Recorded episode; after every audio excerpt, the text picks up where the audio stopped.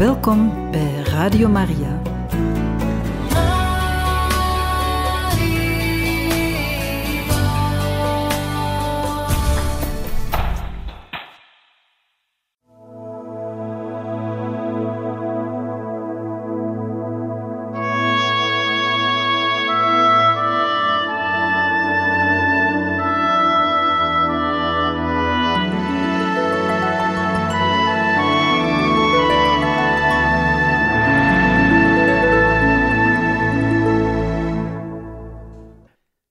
Gewoonlijk vond men moeder Teresa aan het werk om de patiënten bij te staan. Ze was vriendelijk voor de zieken. Geharde bedelaars, die zelden of nooit een vriendelijk woord hadden gekregen, ontdooiden al vlug door een glimlachende moeder Teresa. In de zaal hing een geur van ontsmetting, en men hoorde er voortdurend mensen die kreunden en kloegen van de pijn. Wanneer een stervende zijn laatste adem uitblies, snelde moeder Teresa of een medezuster deze ter hulp en hield hem in haar armen. De wagen van de stad kwam later het lijk ophalen om het naar de plaats van crematie te brengen. Het lege veldbed werd onmiddellijk ingenomen door een andere patiënt. In zes jaar tijd had moeder Teresa zo'n 8258 personen opgenomen, waarvan er 3079 gestorven waren. De meeste van deze bedelaars die herstelden gingen terug naar hun werk op de hoeken van de straten. Enkele van hen vonden aangepast werk. Moeder Teresa droomde van een revalidatiecentrum voor die bedelaars, zodat zij niet terug op straat moesten. Ongeregeld huwelijksleven en onwettige kinderen, dat was aan de orde van de dag in deze korte wijken. Ondanks pikte een politieman een baby op uit een riool. Het kindje had men erin gegooid om het te verdrinken. Om deze kleintjes te redden, opende moeder Teresa een tehuis, waar een tachtigtal jonge kinderen verbleven. In dat gebouw had moeder Teresa ook een afdeling voor TBC-patiënten, want tuberculose kwam veel voor bij deze ondervoede kinderen. De Club van Amerikaanse Dames in India had dit werk onder zijn bescherming genomen. Die vooraanstaande dames stonden in voor het onderhoud van het huis en het voedsel voor de kinderen. Zij schonken ook een röntgenapparaat waarmee de jeugd van de achterbuurten regelmatig onderzocht werden. Daar was ook een opvangcentrum voor meisjes die gevaar liepen in de prostitutie terecht te komen. Zij leerden voornamelijk typen om zich als dactylo te kunnen bekwamen. Met een ambulante kliniek verzorgde men het afgelopen jaar 64.000 patiënten, terwijl 7.000 gezinnen er dagelijks voedsel kwamen halen. Een kleine vakschool, Industrial School, met een 64-tal leerlingen was bedoeld om jongens uit de sloppenwijken aan werk te helpen. Op de grote feestdagen van het jaar, Puja voor de Hindoes, kerstmis voor de katholieken, wemelde het van mensen die er een geschenk kwamen halen. Doorgaans versleten kleren en oud speelgoed waren een schat voor de armen. Sedert anderhalf jaar doorkruiste een blauwgekleurde stationwagen de drukke straten van Calcutta op weg naar een Melaatsencentrum in de Sloppenwijk. De Mary Society, een vereniging die onder bescherming stond van het Engelse katholieke vrouwengenootschap, schonk deze wagen.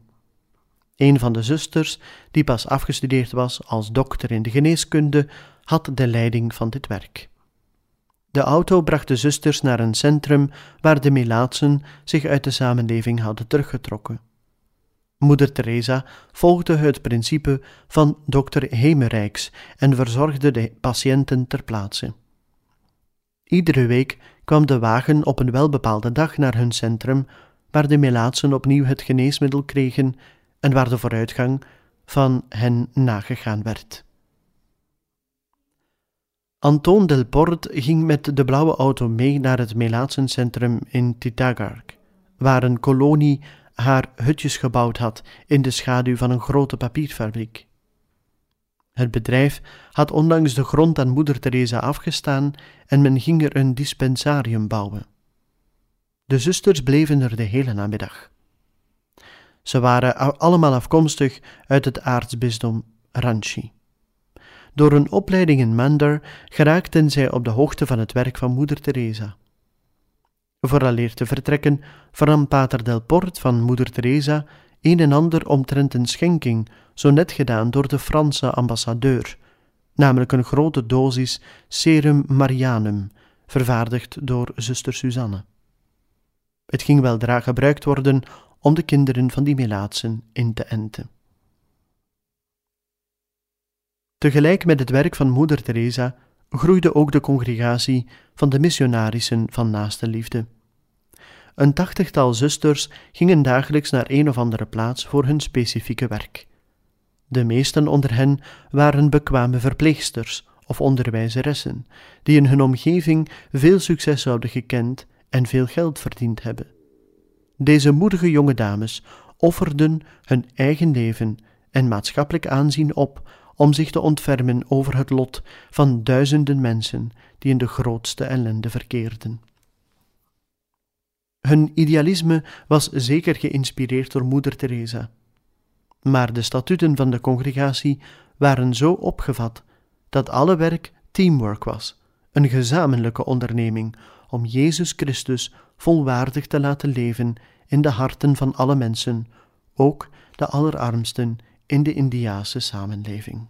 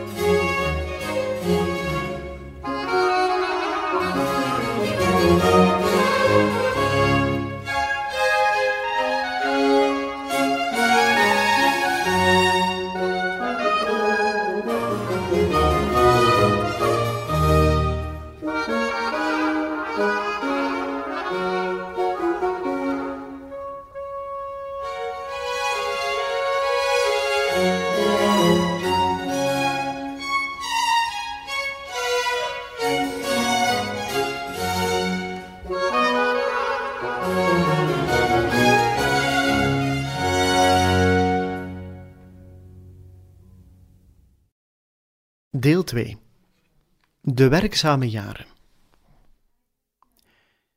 In Australië, waar onze zusters werkzaam zijn, gaan we naar de huizen van de armen en wassen en reinigen en doen er allerlei dingen. Ik ging ooit naar het huis van een man en ik vroeg hem: Mag ik uw huis reinigen? En hij zei: Het is hier al in orde. Ik zei: Het zal nog meer in orde zijn als je het mij laat doen. Aldus stond hij mij toe zijn woning te reinigen. En toen zag ik in de hoek van zijn kamer een grote lamp onder een dikke laag stof. Ik vroeg hem: Steek je die lamp niet aan? En hij zei: Voor wie? Sinds jaren is niemand naar mij gekomen. Sinds jaren. En bij gevolg vroeg ik: Zal je de lamp aansteken als de zusters komen? En hij zei ja. Toen reinigde ik de lamp. De zusters begonnen naar zijn huis te gaan, naar zijn kamer, en de lamp brandde. Ik was hem volledig vergeten. Na twee jaar kreeg ik nieuws van hem met de melding: Zeg mijn vriendin dat het licht dat zij aangestoken heeft in mijn leven nog steeds brandt. Het is een kleine passage van Moeder Teresa zelf. Naar het buitenland. De vraag naar stichtingen was groot. In 1959 trad zuster Andrea in in de congregatie van moeder Teresa. Ze was afkomstig van Freiburg im Breisgau in Duitsland. Ze vertelde jaren later aan de Belgische jezuïet Hendrik Herman dat ze na haar aanvraag te hebben aangedaan het bericht kreeg uit Calcutta om aanstonds te komen. Maar het nam zeker een vol jaar in beslag eer zij een visum kreeg. Ze had in een of ander magazine een artikel gelezen over de missionarissen van naastenliefde en had aan moeder Teresa gevraagd of ze mocht komen. Maar dan duurde het zo lang eer al die formaliteiten in orde waren, maar na meer dan een jaar liet moeder Teresa haar weten: Come quickly, kom vlug. Van zodra de Duitse jonge dame in Calcutta was aangekomen, stopte moeder haar in bed. Nadat ze opgestaan was, hoopte ze dat ze even de stad ging kunnen bezichtigen, om enige zichtkaarten en bepaalde zaken te kopen voor haar familie. Maar moeder Teresa zei: Nee, nee, kom vlug, pater Henri wacht. De Duitse zei: Ja, vlug, laat me hem goedemorgen zeggen. Moeder zei: Nee, nee, kom maar en trek uw sari aan. Het was de eerste keer, de sari.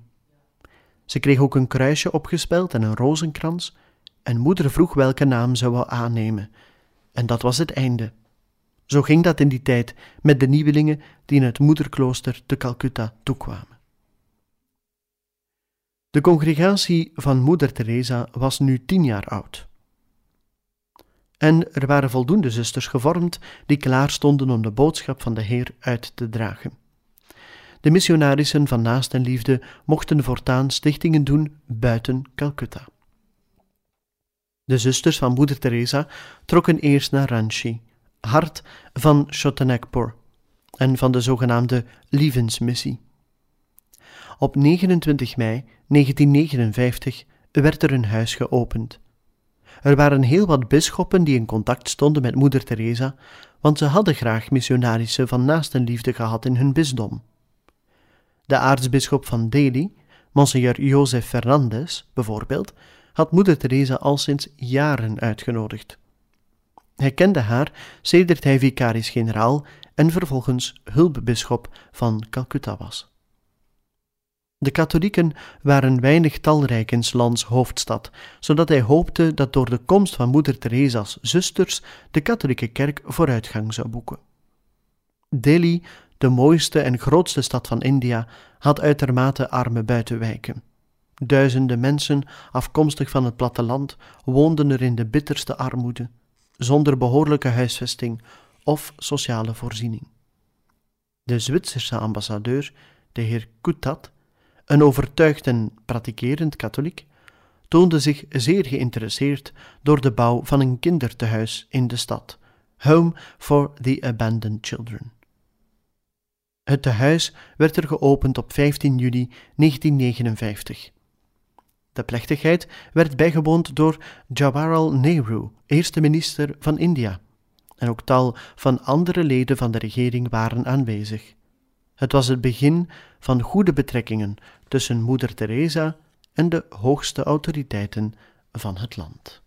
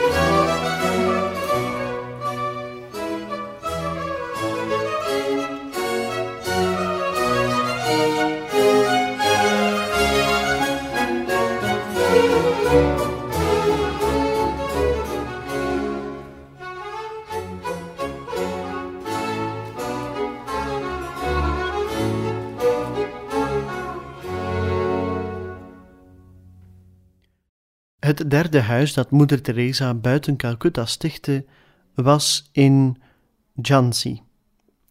De zusters ontfermden er zich over arme kinderen en wezen en openden voor hen een school. In november 1960 verliet moeder Teresa voor het eerst haar klooster in Calcutta om in de Verenigde Staten van Amerika de nodige bijdragen voor haar werk in India in ontvangst te nemen. Op doorreis naar Amerika bracht moeder Teresa in Londen een bezoek aan John Southworth, voorzitter van de Melaatsenactie, en sprak hem over Anne Blakey.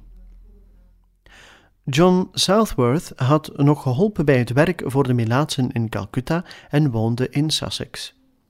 In hun streek verbleven er nog andere personen die in Calcutta gewoond hadden, zodat het initiatief genomen werd om een Mother Teresa Committee te stichten, met John Southworth als voorzitter en Anne Blakey als ondervoorzitter. Er werden allerlei inzamelacties op touw gezet. Voor die hulporganisatie door coworkers of medewerkers werden statuten opgesteld. Die organisatie zou uitgroeien tot de International Association of Coworkers of Mother Teresa. Moeder Teresa's bezoek aan Engeland betekende een stimulans voor hun werk. Het was begonnen in Calcutta op bescheiden wijze, maar schoot toen wortel in Engeland. In andere landen waar Moeder Teresa huizen zou openen, zouden kleinere groepen van medewerkers gevormd worden. Wanneer Moeder Teresa terugkeerde uit Amerika, deed ze Rome aan en bracht in het Vaticaan een bezoek aan Paus Johannes XXIII. Moeder Teresa vroeg dat haar congregatie erkend zou worden als een instituut van pauselijk recht. Het zou vijf jaar duren eer het zover was. Moeder Teresa ontmoette in Italië haar broer Lazar, die als banneling al daar verbleef met zijn vrouw Maria en dochter Agi. De zuster had haar broer niet meer gezien sedert 1924. Haar moeder en zus Aga waren nog in Tirana, de hoofdstad van Albanië. Met hen was geen contact mogelijk gezien het strenge communistische regime. De lepra-leiders bij Calcutta vroegen aan moeder Teresa dat voor hen een kliniek zou geopend worden. De missionarissen van Naastenliefde startten een dergelijk initiatief in een loods bij de spoorweg. Enkele zusters werden erheen gestuurd om de Melaatsen te verzorgen.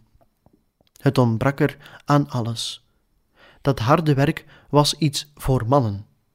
Moeder Teresa besefte dat ze voor een aantal taken en situaties die moeilijk en minder geschikt waren voor vrouwelijke religieuzen, mannen nodig hadden, zodat ze dacht aan de inschakeling van broeders. Zij onderzocht reeds in 1960 de mogelijkheid om jonge mannen in dienst te nemen en trachtte een groep mannelijke religieuzen te vormen. Op 18 oktober 1960 verhuurde de gemeentelijke overheid van Tidagar aan de missionarissen van Naaste Liefde een perceel grond voor de bouw van een centrum voor de Melaatsenzorg. Moeder Teresa bracht op zekere dag op het onverwacht zijn bezoek aan Asansol, waar ze contact opnam met Celeste van Exum om hem te spreken over verschillende aangelegenheden. De jongens in het kindertehuis werden groter en het zou weldra moeilijk zijn voor de zusters om voor hen te zorgen. Bovendien konden de zware taken in het Melaatsencentrum beter door mannen worden verricht. Ze wou met andere woorden een congregatie van broeders oprichten, en ze vroeg de pater of hij zo vriendelijk wou zijn om de toestemming te vragen aan het aartsbisdom. Van Exum vond het geen slecht idee en begaf zich speciaal naar Calcutta om over deze aangelegenheden te spreken met monseigneur Albert Vincent de Souza. De aartsbisschop was volkomen verschillend van zijn voorganger, monseigneur Perrier, die zich altijd verzette tegen een nieuw idee. Aartsbisschop de Souza aanhoorde van Exum over wat moeder Theresa's verlangen was. En dan was het een lange minuut stil. Toen zei Monseigneur de Souza dat men in India de roeping van priester en zuster verstond, maar niet die van broeder. Hij wel, en hij wenste broeders te hebben. Hij vroeg aan Van Exum om aan moeder Teresa te laten weten dat ze ermee mocht beginnen. De zaak was in vijf minuten beklonken. Moeder Teresa was uiteraard verheugd en vroeg pater van Exum om haar enige geschikte jonge mannen te willen zenden.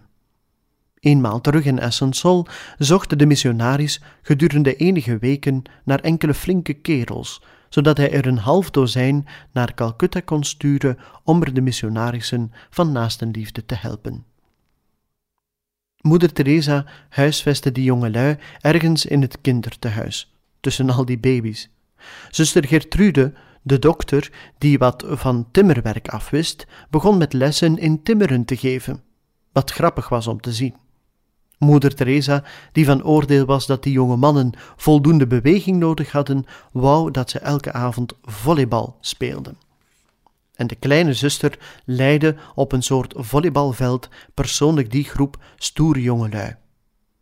Er waren verschillende problemen vooraleer de congregatie van broeders kon gesticht worden.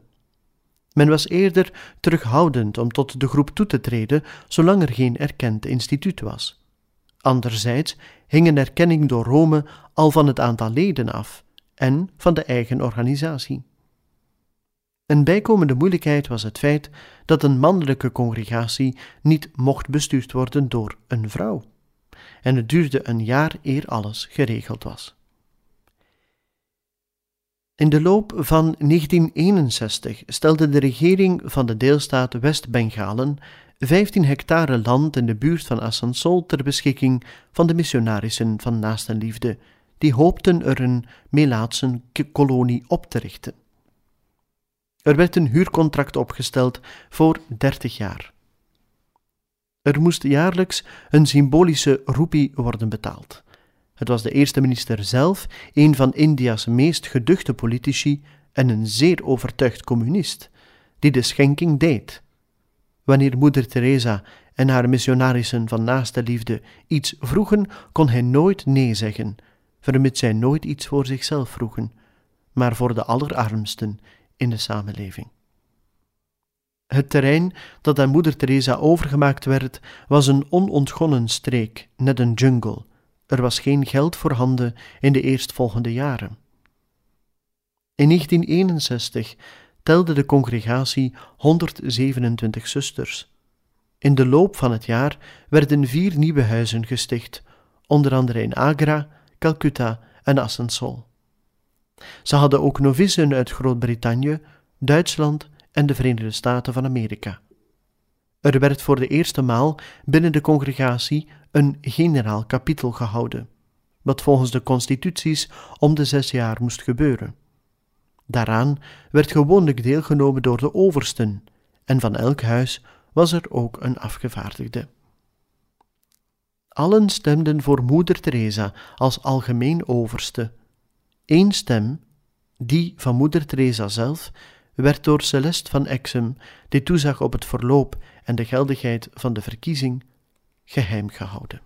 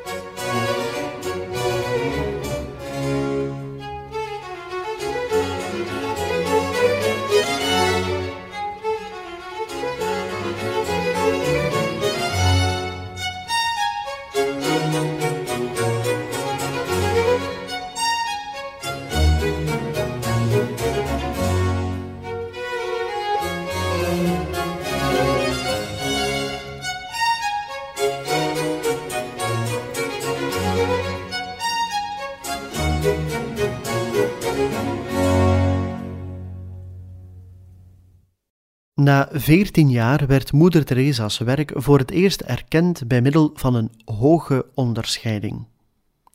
Op 26 januari 1962, Republic Day of Dag van de Republiek, werd de erelijst voor de Padma Shri, de Orde van de Lotus, bekendgemaakt en tot de genomineerden behoorde Moeder Teresa. Ze was de eerste niet geboren in India die deze prijs kreeg. Het was op aanbeveling van Nehru, die haar naam opgaf aan de president. In kerkelijke kringen verwekte dit enige deining. Er was enige discussie of men de zuster naar Delhi zou laten gaan voor de uitreiking. Monseigneur Vivian Anthony Dyer, aartsbisschop van Calcutta, wist niet wat te doen. Sommigen raden hem aan om haar geen toelating te geven om de prijs in ontvangst te gaan nemen, daar dit de hoogmoed kon aanwakkeren.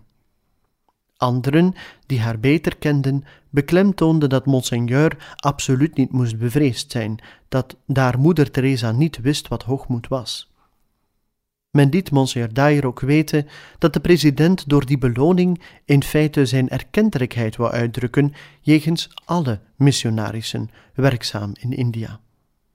Moeder Teresa was niet overtuigd en wou zelf niet naar Delhi gaan, zei ze aan Dyer, maar deze antwoordde dat ze moest gaan. De uitreiking vond plaats in september 1962.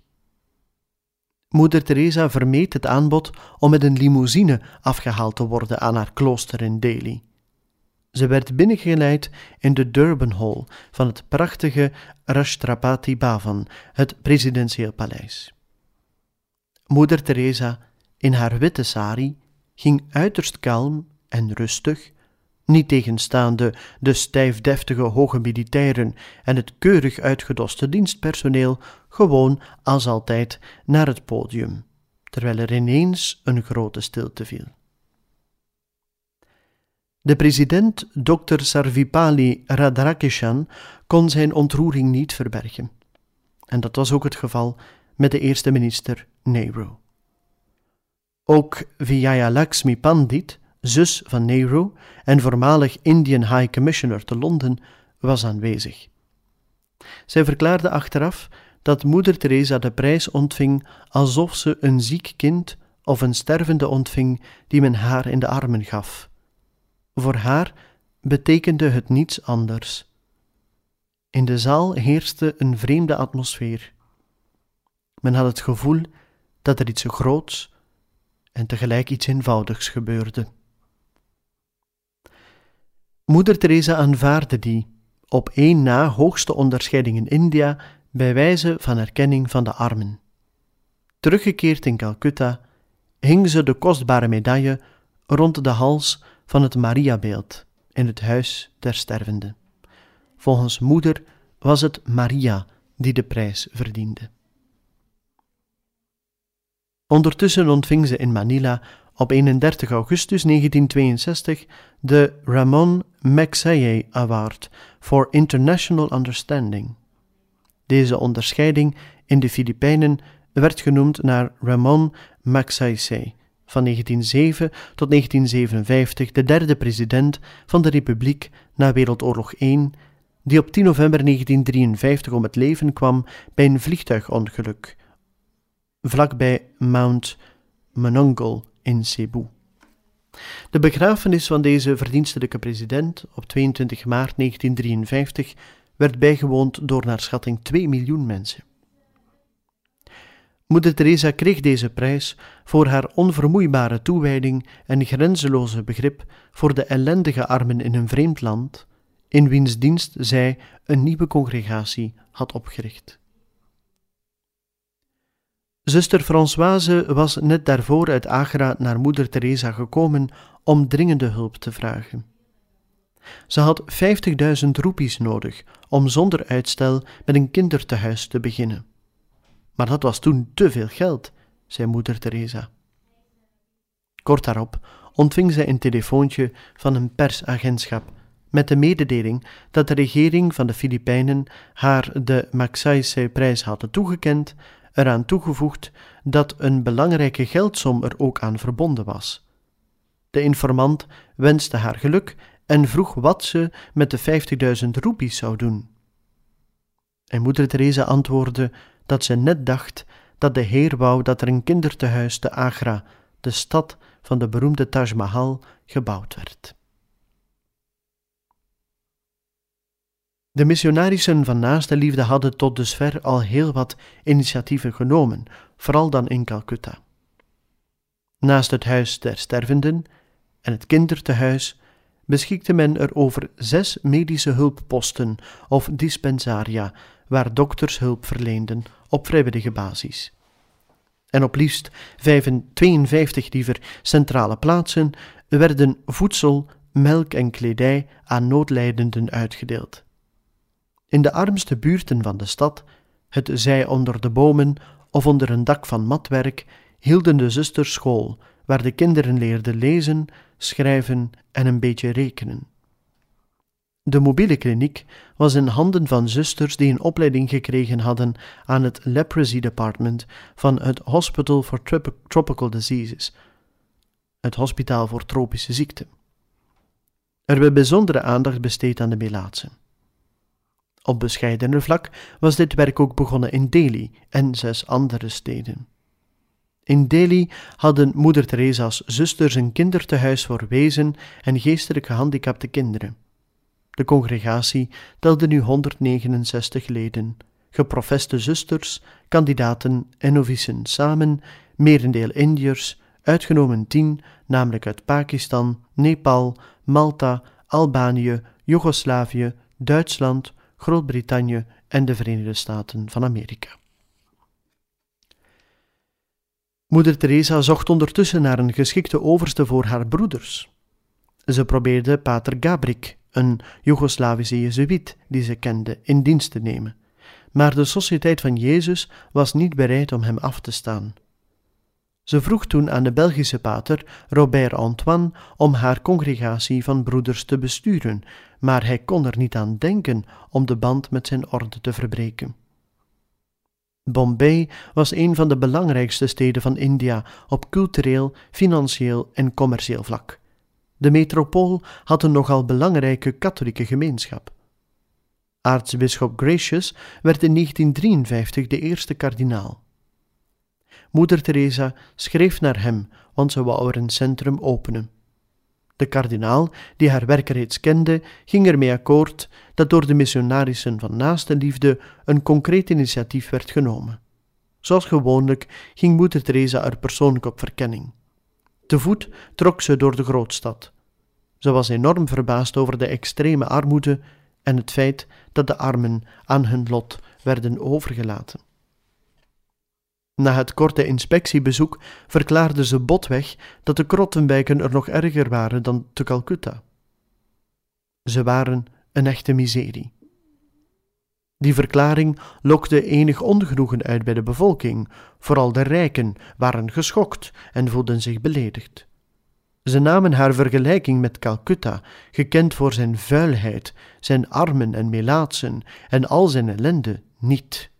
Bombay werd toen immers beschouwd als de rijkste stad van het land, centrum van de cultuur en de deftige kringen. Bepaalde kranten hadden scherpe kritiek op moeder Teresa omwille van haar uitspraak.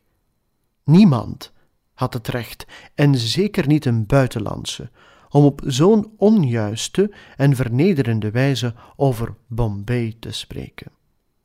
Doch het is een feit dat moeder Teresa na enkele uren of een paar dagen reeds beter de realiteit kende dan de ingezetenen van de metropool. Een pastoor stelde een groot woonhuis ter beschikking van de congregatie van moeder Teresa. Het werd het eerste tehuis voor mensen die aan hun lot waren overgelaten. In het begin telde de communiteit tien zusters. Kardinaal Gracious, de klerus, de gewone mensen en de armen waren van hoop vervuld. Na enige tijd stelden de kranten die uitgevaren hadden tegen moeder Teresa vast dat in Bombay niemand meer alleen en verlaten stierf op straat. Moeder Teresa, fysisch gezien een klein vrouwtje, maar geestelijk reusachtig, vocht met een krachtig en edelmoedig hart dag na dag tegen de dood, de lepra en de armoede. En men schreef nu dat zij een godsgeschenk was. Men realiseerde zich dat die kleine zuster meer afwist van armoede dan wie ook, en van kritiek kwam het tot respect. Moeder Teresa, die in Manila uitgeroepen werd tot de meest verdienstelijke vrouw van Azië, was in het Westen nog in hoge mate onbekend, maar daarin zou stilaan verandering komen.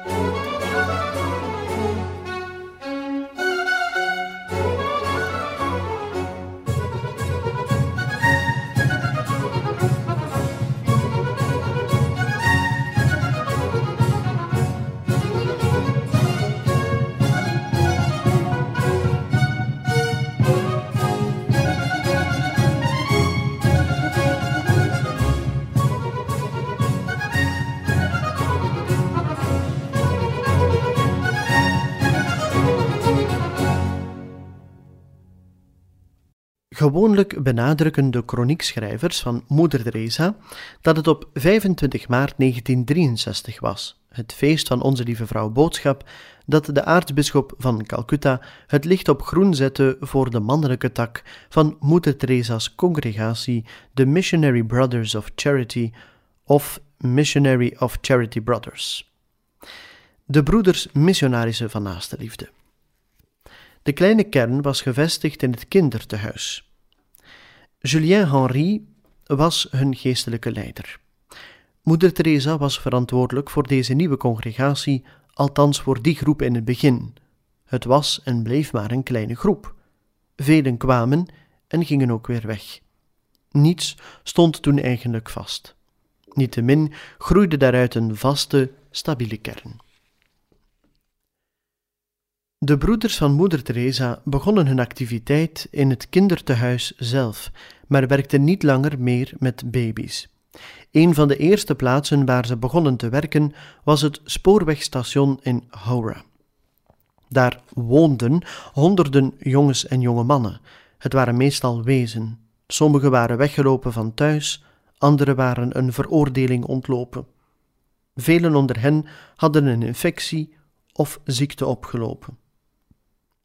De broeders begonnen hen te helpen op een bescheiden wijze. Sommigen onder hen hadden dringend geneeskundige zorgen nodig. Allen kregen alvast een stuk zeep om zich te wassen. Stelselmatig organiseerden de broeders voor de stationskinderen een avondmaal, zodat ze minstens één warme, voedzame maaltijd per dag hadden. Er werd te Hobra een speciaal tehuis voor dakloze en gehandicapte jongens opgericht.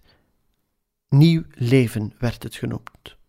In het begin werd ook een atelier opgericht in Doomdoom in Calcutta, waar de jongens radio's leerden herstellen, om dan later hier of daar aan werk te kunnen geraken.